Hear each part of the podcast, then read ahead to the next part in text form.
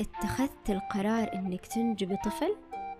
أحب أقول لك إنك أنت قررت للأبد إنه قطعة من قلبك حتكون خارج جسمك.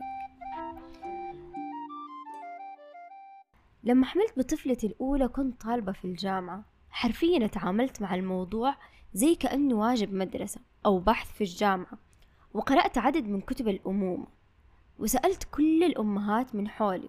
وقررت أني أتعامل مع دوري الجديد كأنه مشروع بحثي للتخرج وحفظت كل اللي درسته وتجهزت بكل الأدوات اللي ممكن إني أحتاجها في هذا المشروع اللي هو مشروع أمومتي. وأخيرا صرت ماما واكتشفت إنه هي دي أصلا كانت البداية وإني أنا أبدا مو في الجامعة. ما كانت الأمومة زي أي شي عملته من قبل على أقل تقدير. وما كانت مهارات التأقلم العادية كافية بالنسبة لي. كثير كانت من المعلومات المتناقضة تدور في رأسي. كنت دايما أدور عن الإجابة الصح والطريقة اللي من المفترض أني أعمل بيها كل شيء. وكنت جدا مصدومة. وبعدين اكتشفت أنه في خيارات كثيرة وما في طريقة صحيحة واضحة للأمومة. طيب أنا إيش كنت أبغى؟ هل كنت أبغى أكون أم حرة وعايشة حياتي أو أم مجتهدة على أطفالي؟ أو كنت أبغى أكون أم شديدة؟ هل هو حقيقي إنه أنا أصلا جبت بيبي؟ ما كان عندي أي فكرة عن نوع الأم اللي كنت أبغى أكونها وبدأت أتنقل في رحلة الأمومة وعرفت إني لازم أعرف نفسي أكثر عشان أعرف أي نوع أم أنا حكون. لأنه صراحة ما كانت الأمومة زي أي حاجة قالوا لي عليها من قبل. من لحظة الولادة لما عرفت إنه مشيمتي شاخت وجسمي مو قادر يغذى طفلتي.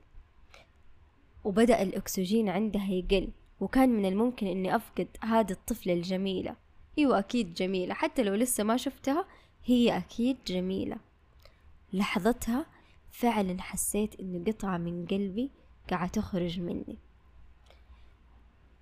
كنت خايفة من إني أدرك مسؤولية الأمومة الرهيبة اللي فاجأتني وتفاجأت إنه كل هذا ما كان حلم وإنه كنت أبى أحافظ على هذا الطفل الصغيرة بأي طريقة وكنت مستعدة إني على طول ممكن أولد بعملية قيصرية بس عشان أحافظ عليها. لكن الحمد لله إنه كل ده القلق ما كان له داعي وبفضل من الله الحمد لله أتجاوزنا هذا أنا وطفلتي. وصلنا الحل مع دكتورتي الرهيبة. وإلى الآن وبعد خمسة سنوات أنا وياها دايما نوصل لحل. لكل مشكلة عندنا تتطور علاقتنا واحتياجاتها تعرفني على نوع الأم اللي أحتاج إني أكونها. وهذا شيء في قمة الجمال. وكل مرحلة تمر بيها لأول مرة حمر بيها معاها أنا كمان ولكن كأم. من تعلم الرضاعة الطبيعية إلى تدريس دروس عن الصداقة أحس بكل شيء للمرة الأولى أنا كمان وكل تفكيري في كيف أوجهها في هذه التجارب. واكتشفت أنه مع نمو أطفالنا وتقدمهم في العمر ومرورهم في مواقف جديدة إحنا كمان ننمو وننضج كأمهات. التغلب على كل عقبة جديدة يمنحنا ثقة جديدة في قوتنا الداخلية اللي إحنا نتمتع بيها. أنا وهي ودايما أكرر معاها أنا قوية وأنا شجاعة وأنا أقدر أعمل أي شيء.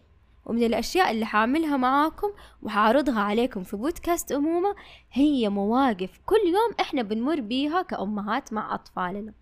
وحاعطيكم خطوات وتريكس بسيطة تساعدكم في التعامل مع أطفالكم في هذه المواقف اللي ممكن تكون صعبة عليكم لكن لو فهمتوها حتمر بسهولة جدا. ولا تنسوا تتابعونا في مواقع التواصل الموجودة في صندوق الوصف. وانشروا الحلقة لكل الأمهات اللي تتمنوهم يستفيدوا معانا. استنوني معاكم في الحلقات الجاية. أنا فاتن خالد في بودكاست أمومة.